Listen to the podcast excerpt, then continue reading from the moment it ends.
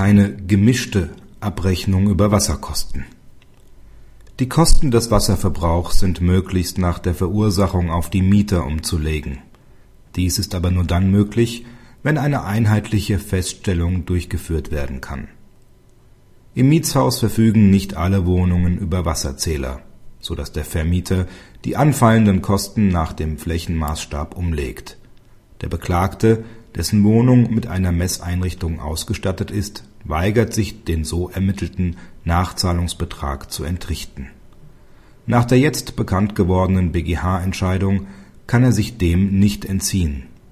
Zwar ist bei messbaren Verbrauchsgütern grundsätzlich eine entsprechende Kostenumlage nach 556a Absatz 1 Satz 1 BGB vorzunehmen, dies setzt aber voraus, dass die dafür erforderlichen Erfassungsgeräte auch in allen Wohnungen montiert sind. Eine gemischte Abrechnung muss der Vermieter nicht erstellen. Praxishinweis Dieser Grundsatz war für Wohnungseigentümergemeinschaften bereits seit langem anerkannt. Er muss auch für das Mietrecht gelten.